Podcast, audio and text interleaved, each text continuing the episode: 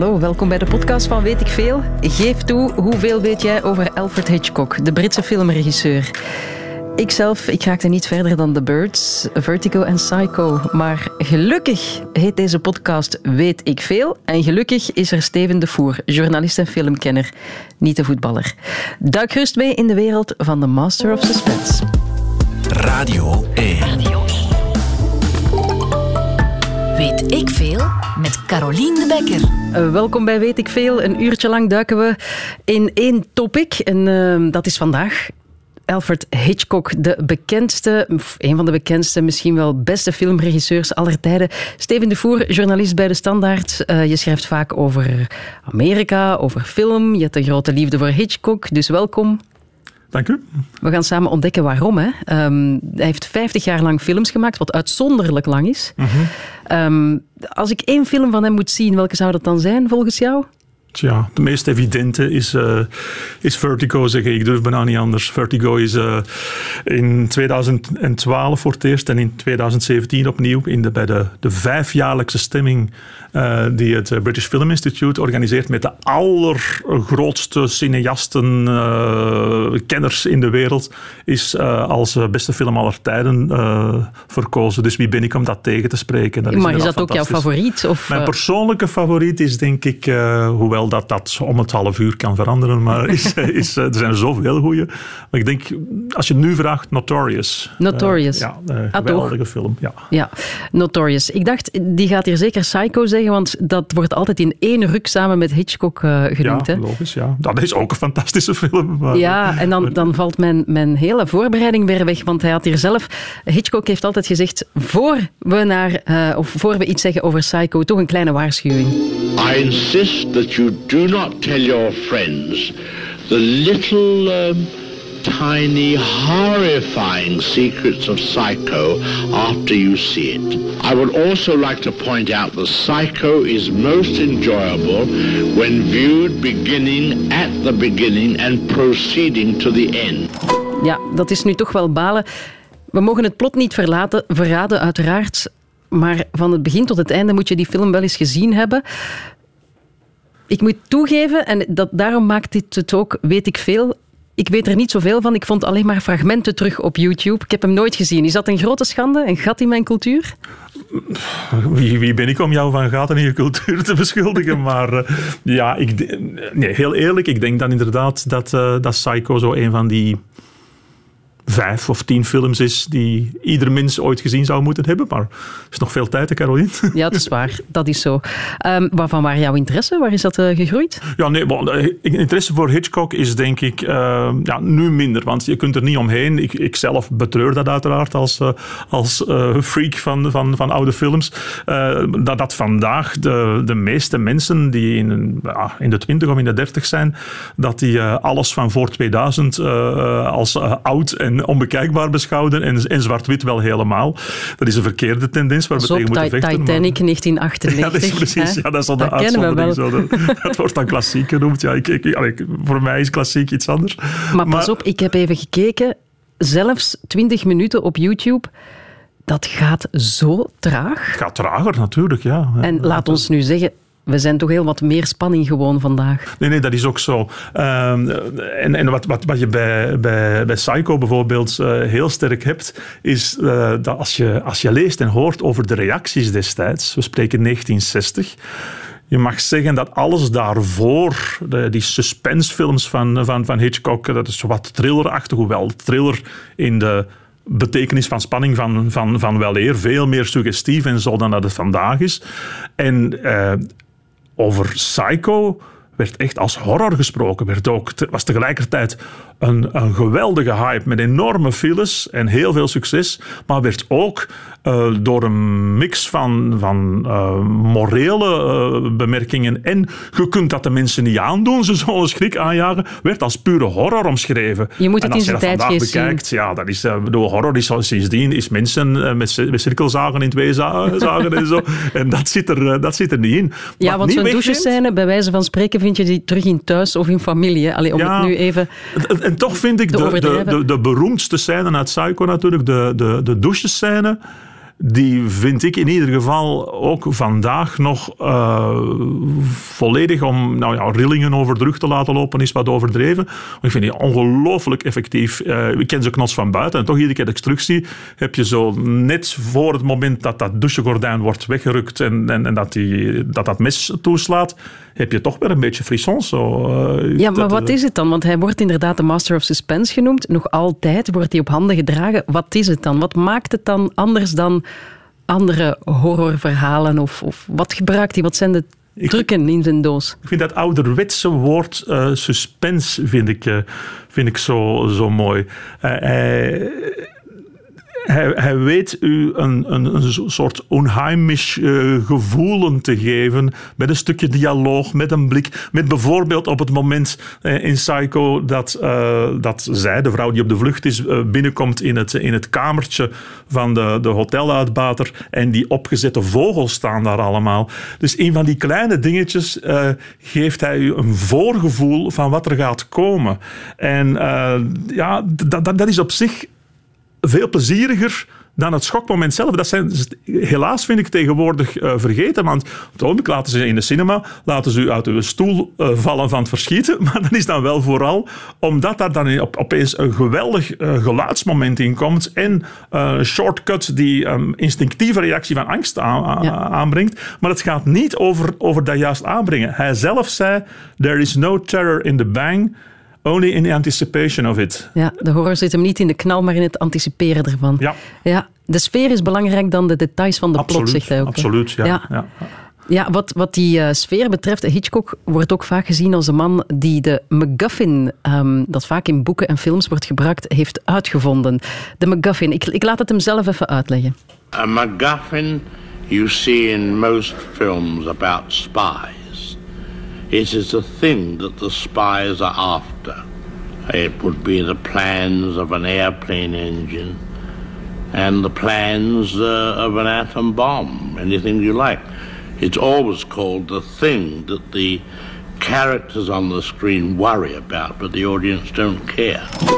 Ja, ik heb daar even op moeten studeren wat hij nu eigenlijk bedoelt. Eh, hij heeft het gaat om een onderwerp, een voorwerp in een film dat er eigenlijk niet toe doet, maar dat sleept de hele film aan en dat brengt een soort van spanning teweeg. Het is eigenlijk de reden waarom dat de, de spionnen of de uh, verkeerdelijk voor spionnen aangeziene mensen, want dat is een favoriet van Hitchcock, hè, dat je ofwel door de politie ofwel door een of andere vreemde mogendheid als de vijand wordt gezien, terwijl dat je eigenlijk gewoon elkerlijk bent die uh, toevallig er is, is, is, is tussengekomen. Heel North by Northwest, de beroemde achtervolgingsfilm met, uh, met, met Cary Grant, gaat over iemand die per ongeluk wordt aangezien voor wie hij niet is. Mm -hmm. Dus je hebt ergens een soort van trigger nodig. Uh, een, een, een, plan dat bestaat, uh, een, een voorwerp dat iemand te pakken moet krijgen.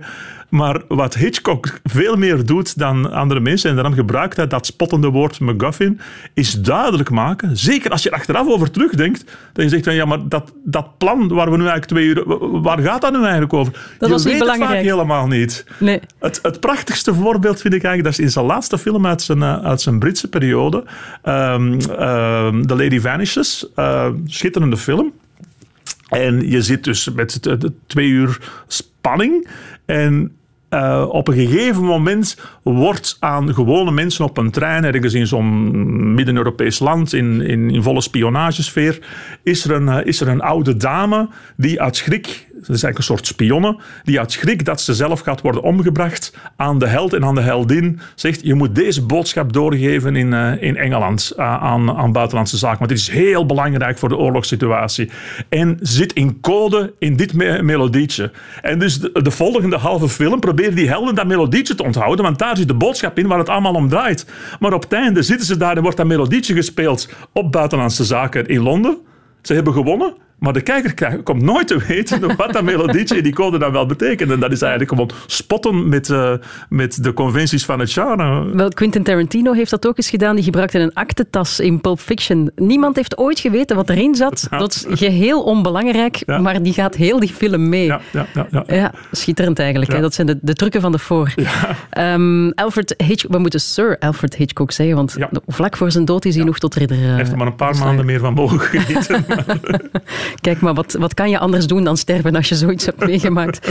Maar wat, wat deed hij dan zo anders dan anderen? We proberen het hier het komende uur te ontdekken. Uh, Alfred Hitchcock in Weet ik Veel. Weet ik veel? Een uur lang over Alfred Hitchcock, de master of suspense.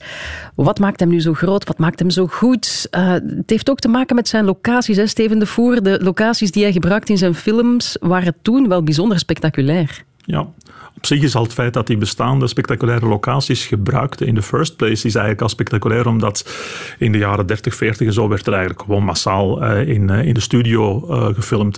men kwam daar niet gemakkelijk buiten.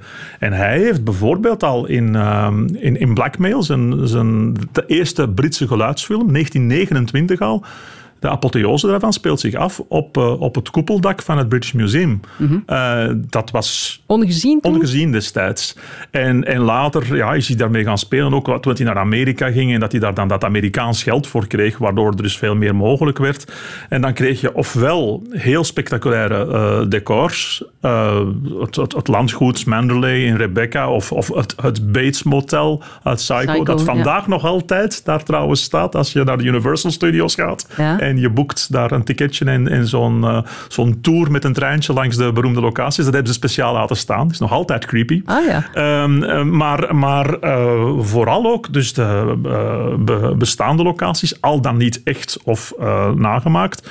Maar in, in, in, in Saboteur is de apotheose met iemand die aan het vrijheidsbeeld hangt en die helaas ja, wordt, wordt, wordt vastgehouden aan zijn mouw en zijn kostuum zou van iets betere bakelei moeten zijn. Sorry, plot, plot even verklapt. Daar gaan we, nummer één. Ja, excuseert.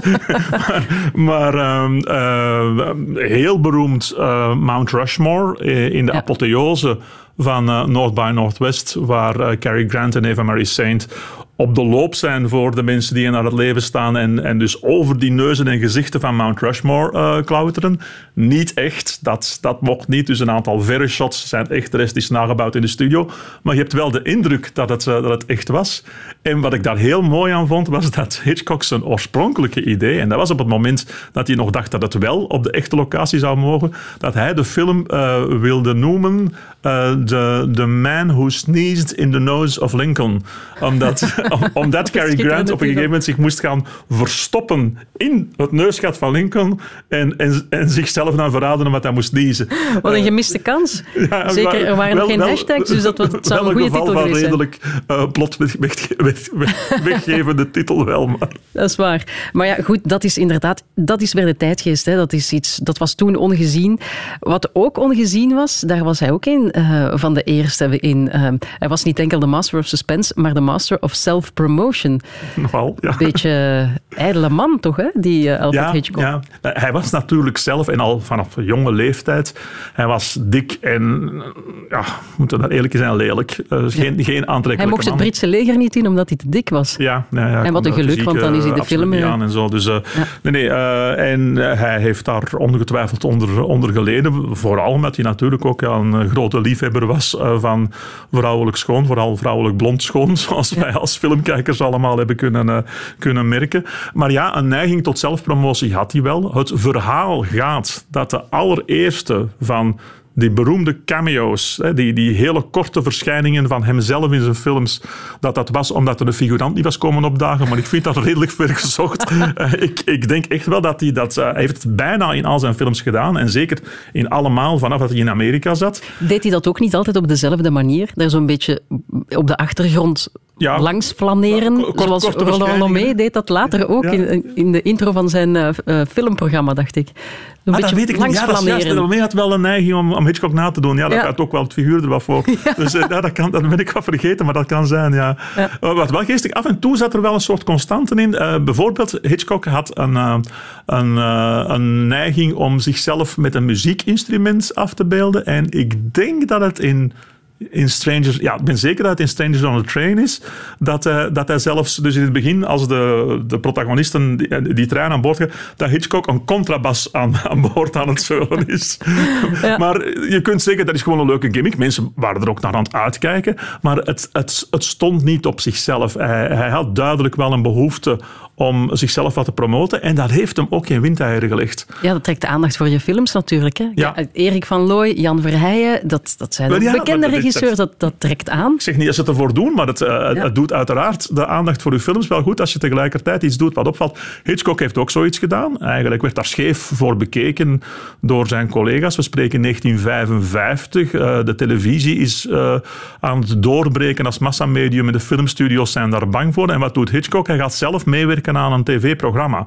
Uh, Hitchcock Presents, uh, zo korte uh, misdaadverhaaltjes. Af en toe regisseerde hij er zelf in, maar meestal was het gewoon inleiden van dingen die andere mensen deden. En zijn, zijn presentaties daarvan en het begingeneriekje met de muziek erbij en zo, is allemaal zeer beroemd geworden. Good evening, ladies and gentlemen. And welcome to a new season of Alfred Hitchcock Presents. You dirty democracy! Don't come any closer! Don't come any closer! Ik ken dat, dat muziekje. Maar ik moet wel toegeven, hij klinkt wel een beetje als een oude zeur. Hè? En, ja, en toch, dat sloeg aan. Ja, nee, dat, dat, dat, sloeg aan. Hij heeft ook een, eh, een droog gevoel voor eh, soms heel donkere humor. Uh, dat, uh, dat echt aansloeg. En wat maakte dat hij, dus in tegenstelling tot, tot zijn collega's, dat ja, zijn profiel, helemaal zijn wezen, echt gigantisch beroemd werd. Ja. En dat is natuurlijk iets, los van het, van het geld dat hij aan die tien jaar Hitchcock Presents heeft, heeft verdiend, maakte het ook dat hij eh, ja, wij zeggen nu BV-spel, dat hij dan een, een, een BA werd. Uh, en, uh, en dat mensen nog veel meer dan tevoren gewoon dofis naar zijn nieuwe film gingen kijken. En dus het feit dat hij in de tweede helft van de jaren 50 en de vroege jaren 60 zijn beroemdste, duurste en meest persoonlijke films heeft kunnen maken, was eigenlijk omdat hij tegen dan zo beroemd was dat hij tegen de studiobazen, die hem in de periode daarvoor toch nog redelijk onder controle hielden, konden zeggen van ja, maar ik ben Alfred Hitchcock, weet jij hoeveel geld dat ik opbreng? Ik doe het zoals, zoals ik het wil en niet meer zoals jullie het zeggen. Ja, wat ook bizar is, uh, is dat hij in zijn hele oeuvre, 50 jaar lang, altijd heel goede kwaliteit is blijven leveren. Hè? Want dat, dat geef je niet veel mensen na 50 jaar lang. Het is uh, schitterend. Er zijn uh, uitzonderingen. Hè? Er zijn, heeft, heeft, heeft, een paar mindere ja. films, maar op het hele oeuvre zijn dat er heel weinig. Ja. Nu, we, we mogen er niet uh, voorbij gaan. Bernard Herrmann. Want de muziek in zijn films is natuurlijk, dat is niet weg te denken uit de films van uh, Hitchcock. Hè. Het was een, uh, een gouden duo. We gaan eens even luisteren naar de, de love scene, de, de, ja, het, het, het liefdesfragment uit Vertigo. Kan je misschien even beschrijven wat hier gebeurt, uh, Steven? Ja, het komt regelmatig terug in de film. Uh, dus je kunt er moeilijk één scène op plakken, maar uh, wel... wel de bekendste, de echte, echte love scene. Ja, um, het, gaat eigenlijk over hoe, hoe uh, het hoofdpersonage, die, uh, die politieman, die uh, psychisch in de knoei zit omdat hij uh, een collega heeft laten verongelukken vanwege zijn hoogtevrees. Uh, hoe die helemaal geobsedeerd geraakt door een, door een vrouw die hij als privédetectieve uh, gaat, gaat schaduwen. Ja, het thema komt regelmatig terug, maar vooral in weer zo'n voorbeeld van een, van een beroemde locatie. Het moment dat zij probeert zelfmoord te plegen door door in het water te duiken onder de, onder de Golden Gate Bridge en dat hij erachter gaat. Uh, en, uh, ja, die... Pas op, hè, niks, geen Niks, niks verklappen, hè? Nee, nee, maar, ja. die, die, die hele romance en vooral ook het, uh, hoe, hoe duister uh, alles is wat in de ziel van dat uh, hoofdpersonage omgaat. hoe hij zelf ook niet de pure held is, maar ook een beetje vieze trekjes heeft soms. Ja. Dat is allemaal van een psychologische diepgang die ja. veel, veel, veel verder ging dan de loutere uh, whodunit en, en, en, en, en, en de, de, de, pure suspense van daarvoor. Je merkte maar daar dat wordt dat je... ook prachtig ondersteund door muziek, want zonder deze componist, uh, Bernard Herrmann, kan je... Ja, is het toch maar eendimensionaal, hè? Ja, hoewel ik anderzijds wel moet zeggen Bernard Herrmann is, uh, is, is absoluut uh, de uh, componist waarmee Hitchcock geassocieerd wordt, maar hij heeft met een aantal andere grote namen, Frans Waxman, Dimitri Chomkin en zo, heeft hij ook samengewerkt. Dus het was niet... De meeste, mensen denken dat dat een vast duo altijd was. Ik denk dat pak en beet van zijn Amerikaanse films dat 60% is dat hij met Herman heeft gedaan, maar het zijn wel zeer memorabele soundtracks allemaal. Ja, een van de meest memorabele is dan deze.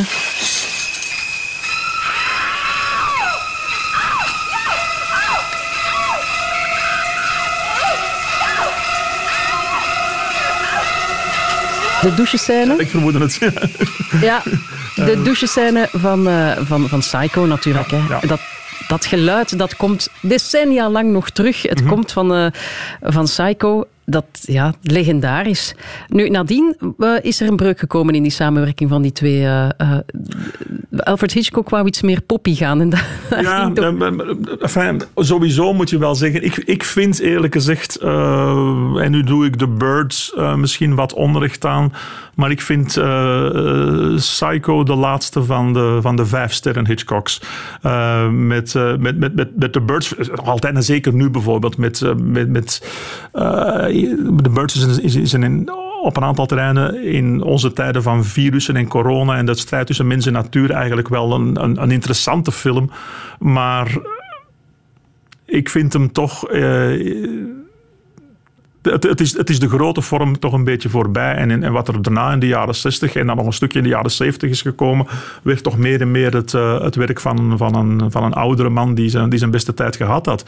Dat, maar dat mag ook. Ik bedoel, wat hij in de jaren 40 en 50 uh, op een rij heeft gezet, is zo onwaarschijnlijk qua kwaliteit. Dat uh, de, de, vraag die jij er straks stelde, van wat is je favoriete film, ging gewoon een beetje in mijn hoofd af. Maar voor iemand die 50 films of 52 films heeft gemaakt, maar die komen zo aan 10 of 11 die ik als absolute meesterwerken beschouw. Ja. En uh, er is, Eigenlijk zouden we eens een, een, weekend, een weekend Hitchcock moeten doen met, uh, met vrienden. ja. Als we nog wat tijd hebben, of als er een tweede lockdown aankomt, dan weten we wat te doen. Ja, Weet ik veel? Het gaat over Alfred Hitchcock, de master of suspense, een van de grootste regisseurs aller tijden met een ongelooflijke carrière.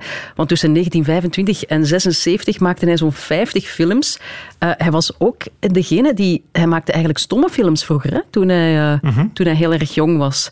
Ja, um, de geluidsfilm is doorgebroken in... Uh, in 1929. En zijn eerste films zijn van uh, 24, 25, zoiets. Ja, uh, hij maakte trouwens de eerste geluidsfilm in uh, Groot-Brittannië. Ja, ja, ja. ja, zo lang is hij eigenlijk meegegaan. Hij was ook extreem perfectionistisch, heb ik gelezen. Mm -hmm, ja, en extreem ervan overtuigd ook dat, dat hij over alles gelijk had. wat niet altijd even prettig was voor de acteurs bijvoorbeeld. Omdat hij maakte wel duidelijk van dat, dat als hij de rollen zelf zou kunnen spelen, het beter zou zijn. En dat je dus in, in het beste geval uh, dat, dat die domme acteurs in de buurt konden komen. Uh, als ze deden precies wat hij hen opdroeg. En uh, dus een beroemde uitspraak is: actors are cattle, acteurs zijn vee. wat trouwens, dat vind ik wel geestig, bij een van zijn meest atypische films. Hij heeft ooit een komedie gemaakt, Mr. en Mrs. Smith. Hij heeft niet veel succes gehad, maar daar was een van de, de hoofdrolspelers was Carol Lombard, de vrouw van, van Clark Gable, een bekende comedienne. Mm -hmm. En die heeft op een dag heeft die, uh, zij met haar medespelers, die hebben allemaal een koe meegenomen naar, uh, naar de studio. Daar had ik te maken wat ze ervan vonden. Ja, dan heeft hij daarna zijn woorden nog teruggetrokken. Actors are not cattle, but they should be treated like cattle. En dan, je maakt het alleen maar erger op zo'n moment. Ja, waar hij bijvoorbeeld een geweldige hekel aan had, was als acteurs, of zeker actrices, die je dan toch eigenlijk, ja, die je dan fysiek wel bewonderde, maar die als uh, meedenkende wezens bij hem toch nog een trapje lager stonden dan de mannen. Uh, als die dan begonnen te vragen van ja, maar waarom doet mijn personage dat? Uh, dat is toch vreemd nu in de consequentie en zo. En dan kon hij wel eens tegen Ingrid Bergman of tegen Grace Kelly of tegen wie, uh, wie dan ook zeggen bijvoorbeeld van uh, for God's sake Ingrid, just do what, what is written. en en ja. ja, uitleg moest je daar niet voor vragen. Ja, Morgen hebben we het trouwens over het patriarchaat. Misschien uh, sluit dat daar naadloos bij aan. Ja, uh, maar uh, het was misschien niet zo'n aangename man. Hij, hij had een, een, voorkeur voor het duistere, macabere. Vaak ook hij had een fascinatie voor psychopaten. Um, was hij zelf een stabiele man? Eigenlijk relatief gesproken zou je zeggen van wel. Want bedoel, er is... ja er werd destijds uh, veel met de mantel der liefde bedekt, uh, maar veel achteraf bekeken ook niet. En echt heel veel grote schandalen zijn er niet bekend. Maar wel eentje, en dat is toch wel echt een, een, een, smet op zijn carrière, dat zijn, zijn, zijn persoonlijke voorliefde voor die blondines en zijn jaloezie voor de mannelijke tegenspeler de Cary Grants en de Jimmy Stewarts en zo, die dan in zijn films wel met die blondines mochten kussen, terwijl hij dat zelf veel liever zelf had gedaan. Eén eh, keer is dat echt gaan, gaan ontsporen, of één keer dat we weten, met uh, Tippi Hedren, de actrice uit, uh, uit The Birds en, en Marnie, waar hij echt op alle mogelijke manieren probeerde om die in zijn bed te krijgen. en zij, zij wilde dat niet en hij is dan echt beginnen manipulatief gedrag te gaan vertonen. En uiteindelijk heeft hij ook gezegd van, van ja, maar als, als jij mij dat niet toelaat, dan zorg ik ervoor dat jij geen carrière niet meer hebt in Hollywood. En, dit, dit, hebben we nog gezien, uh, relatief. Inderdaad. Doen we dan denken aan Harvey Weinstein? Dat doet absoluut denken aan Harvey Weinstein. Uh, Hitchcock had last van seksisme, van... ja, ja, absoluut. Ja, Natuurlijk van, moet niet je, alleen seksisme, van... Ja, zonder er iets aan goed te praten, gedrag. maar als je tijdperken vergelijkt, moet je natuurlijk ook de normen van die tijdperken erbij nemen. Je bent het niet aan het goed praten, maar laten we zeggen dat in Weinstein zijn tijd uh, nog veel erger was dan in Hitchcock zijn tijd. Omdat de tijden zelf ondertussen geëvolueerd waren. Hè. Ja. Uh, maar nee, wat betreft Tippi Hedren is dat ook wel gelukt. Uiteindelijk was zij de hoofdrolspeelster van twee beroemde Hitchcock-films. Dus normaal gesproken moest die haar carrière toch, ook al had ze ruzie met hem, moest die toch tot uh, grote hoogten hebben geleid. En eigenlijk is er weinig meer gehoord over, over Tippi Hedren achteraf. behalve dat ze dan Melanie Griffith als dochter had. Ja. En behalve toen ze 86 was, een paar jaar geleden, en ze ermee naar buiten kwam in haar memoire. Dat ja, was, inderdaad. Ja, ja, Maar goed, dat heeft um, Hitchcock niet meer meegemaakt. Ja, hij had het inderdaad wel voor blondines. Hè. Altijd een grote voorliefde. Joan Fontaine, Ingrid Bergman, Kim Novak. Grace Kelly. En, en hij kon ook heel goed uitleggen waarom hij het voor de iets coolere blondines had. I do not like to have women where sex is hanging on them like jewelry. I like to have it concealed like a mystery to find out what sex is underneath. They would say that to me, why do you pick Grace Kelly? She's very cold. I say that isn't true. That's the outward. Grace Kelly to me was a snow-covered volcano. Inside was plenty. Je moet het hem wel meegeven, hij kan het goed uitleggen. Zeker. Ja, nu, Grace Kelly was toch wel een van zijn ja, godinnen. Hè. Hij nam die mee in verschillende films. Mm -hmm. uh, ja, uh, drie keer, terwijl ze in totaal maar tien of elf films heeft gemaakt. Hè. Want het is trouwens ook... Ik bedoel, de, de, de, ze had de beroemde rollen al gedaan. Uh, Dial M for Murder en vooral Rear Window. maar dan bij de, de opnames van uh, To Catch a Thief uh, met Cary Grant en Grace Kelly, die opnames die waren in, uh, in de buurt van Monaco. En het is dus ah, ter gelegenheid daarvan dat ze Renier heeft leren kennen en dat ze uit de film is gestapt. Er is trouwens, dat is wel interessant, Hitchcock is de enige die het nog bijna gedaan heeft gekregen om, dus toch zes, zeven jaar later met Barney, om, om haar bijna te overtuigen om, om voor één keer terug te komen naar het uh, grote scherm. Maar goed, Marnie was dan ook wel een film die qua thematiek uh, toch allemaal veel te aangebrand was eigenlijk om dat als prinses te kunnen maken. Dus dat is niet doorgegaan. Nee, oké. Ik heb ook wel gehoord, dat ik, ik wil dat nog even bevestigd zien uit jouw mond, dat hij een half uur een opname heeft gemaakt van uh, Grace Kelly, haar schoenen. En dat dat shot eigenlijk niet in de film voorkwam. En dat Hitchcock dan toegaf, ja, ik heb een, een schoenenfetischisme. Is dat... Hij had wel, ik weet van dat schoenenfetischisme niet meer, maar hij had in ieder geval wel een Grace Kelly fetish. dus het verbaast me dat, dat het van haar schoenen was dat hij een half uur een opname heeft gemaakt. Ja. Ik moet ook dubbel checken van Evert. Uh, daar straks uh, zei je, klopt dat, dat hij een fobie voor eieren had? Ja, geen idee. Ik bedoel, de, de, de, de dikke, dikke biografie van Donald Spoto die ik absoluut kan aanbevelen, maar het is te lang geleden dat ik die heb gelezen om, om dit soort details nog te, nog te onthouden. Maar uh, hij had wel uh, zeer, uh, zeer, zeer, zeer aparte trekjes. Dat is een feit. Een eenvoudige man was het. Dit is iemand met een handleiding. Met een handleiding. Maar toch is een vrouw heel zijn leven naast... of heel haar leven naast zijn zijde gebleven. Dat, dat moet je ook kunnen. Ja, maar die heeft toch wel redelijk veel moeten tolereren. Zij het niet in de uitgevoerde vorm, want daar was dan Hitchcock dan weer ja, dus te onaantrekkelijk voor. Maar wat betreft waar zijn interesse naartoe ging en wat hij probeerde gedaan te krijgen, heeft zij heel veel de andere kant moeten uitkijken. Ze heeft dat wel gedaan. En ik moet wel zeggen, eh, helemaal op het einde van zijn leven, toen Hitchcock, die nooit die wel de Oscar voor beste film heeft gekregen, maar die werd dan door zijn producent in ontvangst genomen. Dus die zelf als regisseur nooit een Oscar heeft gehad. Heeft op het einde van zijn leven een Ero-Oscar gekregen en hij heeft toen wel uitgebreid de lof gezongen van zijn vrouw uh, Alma Reville. Uh, die uh, ja, niet alleen zijn, zijn steun en toeverlaat was, maar die ook als, uh, als scriptgirl en als specialist in het zoeken naar continuïteitsfouten. Hè. Wat klopt er niet in, de, in de film? Wat is er niet logisch? Dus bij al zijn films heeft meegeholpen en misschien wel creatief zijn allerbelangrijkste medewerkster is geweest. Ja, en op het einde zijn verzorgster natuurlijk is altijd heel erg nuttig om die dan ja. te eren. Radio 1. Weet ik veel?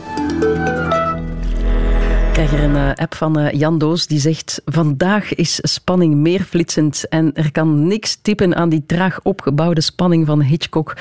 Ja, het, ik, ik zei het daar straks al. Ik had er met een paar het er met een paar jongere collega's van Radio 1 over en die zeiden, ik kan daar niet naar kijken, dat gaat veel te traag en dat is toch geen suspense, want vandaag zijn we toch meer gewoon. Maar kijk, traag opgebouwde spanning. Uh, Jan kan ervan genieten. Um, Steven de Voer, uh, grote Amerika-kenner en uh, filmkenner en Hitchcock-liefhebber het is ook de, de psychopaten die in die film van Hitchcock zitten, daar, daar heb je ook wat over te zeggen. Hè? Want dat, uh, dat, dat komt altijd maar terug, die duistere, die duistere sfeer. En daar heeft hij toch wel zijn invloed gehaald bij Freud en Jong. Ja, en ik moet er meteen bij zeggen, voordat ik het positieve bespreek, ook aan de negatieve kant zijn, zijn fascinatie voor Freud en Jong maakt eigenlijk dat sommige van zijn films wel stilaan uh, behoorlijk belegen zijn. Uh, als, je, als je naar Marnie kijkt vandaag of, uh, of naar Spellbound, dan denk je van god ja, we zijn, we zijn natuurlijk heel dat Freud en Jung doe, gedoe en dat onderbewustzijn ondertussen zwaar gaan relativeren. Ja. En hij was daar zo mee mee dat dat vandaag op het randje van het onnozele soms overkomt.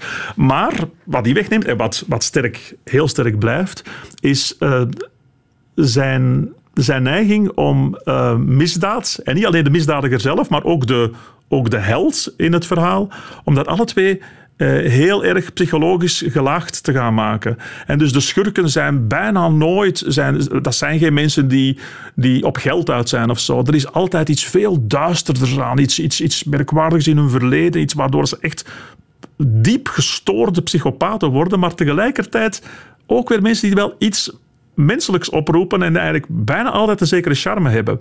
En andersom, aan de kant van de helden, ja, dat zijn ook wel dikwijls mensen bij een beetje een ook af. Ik vind een van de mooiste voorbeelden wat er gebeurt met, uh, met Jimmy Stewart in Rear Window. Rear Window is de film waarin dat een, een fotograaf met een gebroken been in een hete zomer aan ja, aan zijn stoel gekluisterd is en dan maar zit foto's te pakken van wat hij aan de achterkant van, van zijn appartementsgebouw ziet. Dus eh, op het middenplein en met de overburen en zo. En waardoor hij op een gegeven moment denkt van heb ik nu niet juist een moord gezien daar aan de overkant? En daar gaat dus al de spanning over. En die spanning dat is allemaal prachtig, maar het gaat ook heel erg over de psyche van de fotograaf zelf ja. en de voyeur. En als hij een voyeur is, beste kijker, wat ben jij zelf dan? Dan ben jij toch ook mee, de voyeur. En kijk eens een beetje in uw eigen ziel. Ja, die gelaagdheid die had hij wel. En tegelijkertijd als je, om die gelaagdheid te hebben, moet je soms ook som, wat klappen hebben gekregen. En als je dan naar Hitchcock zijn jeugd kijkt, dat is toch ook ja. niet allemaal zo netjes. Als hij bijvoorbeeld zijn moed, moeders afbeeldt in zijn film, dan zijn dat altijd van die dominante, kwekkende dames. Mm -hmm. ja. uh, nou, zijn, zijn, zijn, zijn vrouwbeeld in het algemeen is natuurlijk niet... Uh, daar is hij terecht door feministen wel zwaar op aangepakt. Dat uh, zelfs die, die, die prachtige heldinnen, daar is heel vaak een hoek af. Of, of het loopt er slecht mee af. Of... Ja het is geen, geen echte liefhebber van vrouwen, behalve dan voor een uiterlijke vertoning. Ah, en, had, hij, had hij een moedercomplex? Ja, ik weet niet of dat je daar nu... Hm, ik, ik, ik, ik zie zijn, zijn moeilijke relatie met zijn heldinnen toch meer in, in de seksuele frustratie van een lelijke man die van vrouwelijk schoonhoudt en die zijn helden er altijd mee ziet gaan, gaan lopen. Ja, de, maar, de maar, hoofdpersonages in zijn eigen films gingen altijd met de mooie vrouwen lopen. Ja, absoluut. Ja. Ja. Maar wat je er net op alludeerde is ook interessant. Het feit dat hij als, als, als kind uh, op, op, op strenge kostscholen heeft gezeten. Ook, er is de beroemde anekdote dat hij als kleuter ooit door zijn vader naar het politiebureau is gestuurd met een briefje waarin dat ze, dat ze zeiden van, oh, stop hem maar eens uh, eventjes uh, een paar minuutjes in de, in de gevangenis. Dan heeft hij dat ook eens gezien. En dat had hem geweldig heeft getraumatiseerd. En effectief, Hitchcock zijn hele oeuvre bijna bestaat uit mensen die uh, onschuldig van iets worden verdacht en die dus vaak met de dubbelrol zitten van dat ze zelf de echte schurk moeten ontmaskeren en de politie ontlopen. Ja, met, met zo'n achtergrond is het geen wonder dat je met dat soort spoken. Uh, ja, dat lijkt me wel bijzonder bent, traumatisch. Ja. Goed, uh, Steven de Voer, we zijn al op het einde van de, van de uitzending gekomen. En dan uh, echt mijn favoriete stuk, hoera, dat is de quiz. Je moet me ondervragen over Hitchcock en tegelijkertijd de luisteraar ook. Doe maar gezellig mee. Daar ga je. Op op of bij welk uh, Amerikaans uh, monument speelt zich de, uh, de apotheose van North by Northwest af? Van het neusgat? Ja. Mount Rushmore. ja, goed zo. hoe heet de componist die veel films voor Hitchcock van de soundtrack voorzag? Ja, Herman... Herman Dingskes. Andersom. Dingskes Herman. Ja. ja. Bernard Herman. De, achter, ah, de achternaam was juist. Voilà, Herman eigenlijk. Ja. Wat is een MacGuffin? MacGuffin is een, eigenlijk een nutteloos voorwerp dat de hele uh, film meegaat. Het heeft geen belang, maar het, het, heeft, het is een soort van geleider van de spanning. Ja, een perfecte omschrijving, ja. Uh, hij was soms bot voor zijn acteurs. Met wie vergeleek hij hen? Uh, met Vee. Ja, Kettle. Zo, ja. ja. En uh, wie speelde de hoofdrol in The Birds? Uh, was dat... Was dat Grace Kelly? Nee, Kim Novak? Nee, de, je bent ze allemaal aan het opnoemen. Uh, Ingrid Bergman. Nee, okay, nee, nee, um, nee. Uh, het, is de, het is degene die, wiens carrière hij daarna heeft gebroken. En waarschijnlijk daardoor dat je er niet op komt. Uh, nee, ik weet het tip, niet. Het had zo mooi... Ja, voilà. Het had zo mooi kunnen zijn. De mama van Melanie Griffith. Klopt, dat was ja, het. Ja, ja. Goed, dankjewel Steven. Ik vond het, ik vond het een heel interessante. Waarom, waarom speelt Canvas nu vanavond is geen Hitchcock? Hè? Dat ah, is nu jammer. Jij hebt ongetwijfeld de invloed om daarvoor te zorgen. Ik zal een telefoontje doen. Dankjewel Steven. En uh, je zit hier binnenkort terug bij Evert om het over Amerika te hebben met jouw favoriete platen. We ja. kijken er naar uit. Goed. Tot dan. Hè. Bedankt. Radio 1. Weet ik veel? Zo, op een uurtje tijd ben je een halve Hitchcock-kenner geworden. Als je zin hebt om een van zijn films te bekijken, Steven de Voer raadt Vertigo aan. En op 28 augustus zendt Canvas The Birds nog eens uit in Cinema Canvas. Bedankt om te luisteren en beluister zeker ook eens onze andere podcasts op radio1.be.